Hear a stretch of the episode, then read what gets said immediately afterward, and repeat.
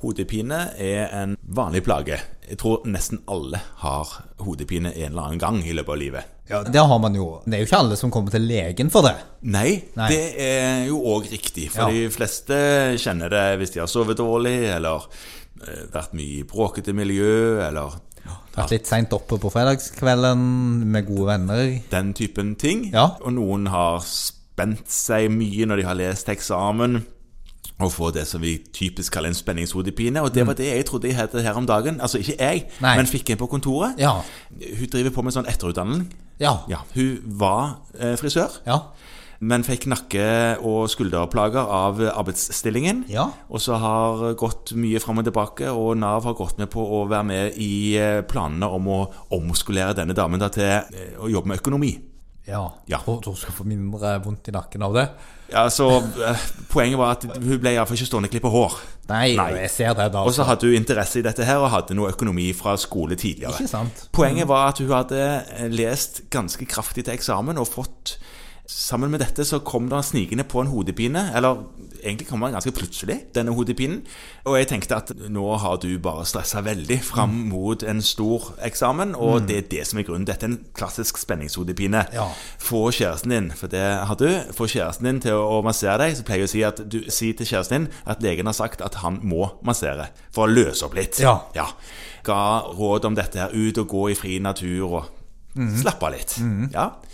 Kom tilbake igjen. Om mulig så var plagene blitt verre. Ja. Ja, hva kan dette være? Så det hjalp ikke å bli massert. Nei, Hvordan var denne hodepinen, da? eh, altså det var jo det som var litt rart. Den var l- mest på den ene siden. Ja. Ja. Og så var den anfallsvis eller konstant?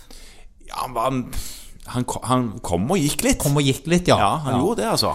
Ja, for så da- det bare skurra jo litt. Det Men det skurret var, litt, det var veldig lett eh, å tenke at det var spenning. Ja, og- fordi at det var så mye spenning. Det var mye spenning. Og det, det er klart at nå gjør du jo for så vidt det som er fornuftig og vanlig. Det er man tenker noe først, og så agerer man litt ut ifra det. Men når Mm. man da får en reklamasjon på behandlingen sin, Mm. så må man jo reflektere over om det var riktig. Og hvis du har en intermitterende hodepine som hovedsakelig er ensidig, så er jo det egentlig Ja da. ikke en spenningshodepine, Morten. Nei, nei, nei, nei. Eh, Men dette ble jo først klart eh, når jeg, eh, Når du snakket med pasienten. når jeg spurte litt nøyere.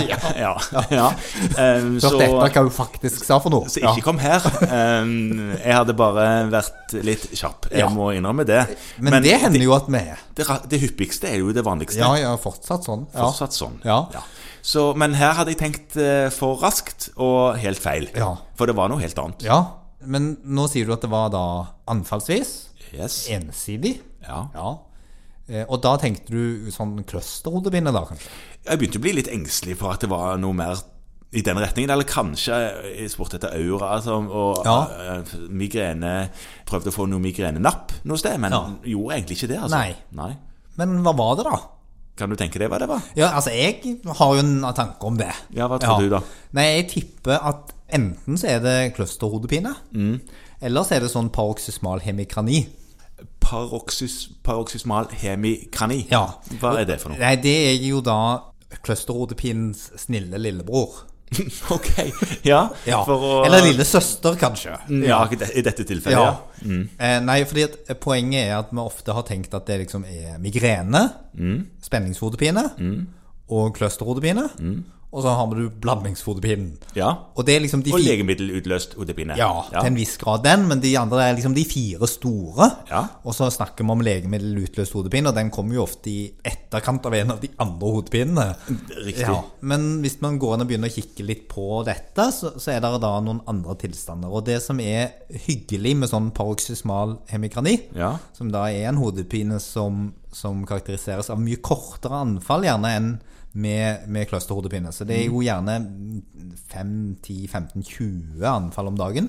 Ja. Og de er korte, Ja. bare bare noen få minutter ja, riktig det. men kan være skikkelig intense. Ja. Og så kan du også få sånne nevrologiske symptomer. Sånn, Det hadde ikke denne damen. Nei, ingen sånne autonome symptomer med du kan få ptose og litt rennende øye og Ja, sånn. det er jo litt i migrenegaten igjen. Ja, eller så kan du se ved kløsterhodepine også. Mm. ikke sant? Så, så det er jo en hodepine som er beslekta. Det Ja, som, Men hva er poenget? Hvorfor er det en snill lillesøster? fordi at den responderer på indometasin. Å, sier du det? Ja. Så da, hvis man tenker at det kan være det, Mhm. så skal man gjøre en indometasid-test. Indometacid-test, ja. Som består i å bare behandle med det? Ja. Ja. Og da, da er det sånn at etter en to-tre dager, hvis de da blir tilnærmet symptomfri på det, Ja. så har du egentlig nesten stilt diagnosen. Og da bruker du indometacid videre, og så holder du denne her hodepinen på armlengdes avstand? Ja, og så går den over til den er episodisk, sånn som kløsterhodepinen også er. Så det man da må gjøre, er at man må behandle videre med indometasid, og så må man gjøre seponeringsforsøk Ja. for å evaluere om det nå kan sluttes eller ikke. Ja, ja nei, det, var det, det var det det endte opp med. Dette var en sånn en, eh, sånn, Paroxysmal en hemikrani. sånn type hodepine. Ja. Ja. ja, det er et fryktelig navn. Ja. Men det kan være nyttig å tenke seg om hvis du sitter med en sånn type hodepine, siden det finnes en behandling som jo egentlig for mange av disse er ganske ufarlig, Mm. og kan være veldig effektiv. Så kan det være nyttig å bare å forsøke. Og funker det, så er, har du en veldig takknemlig pasient. Det har man. Eh, Og funker det ikke, så vet du på en måte at da er det ikke det. Nettopp.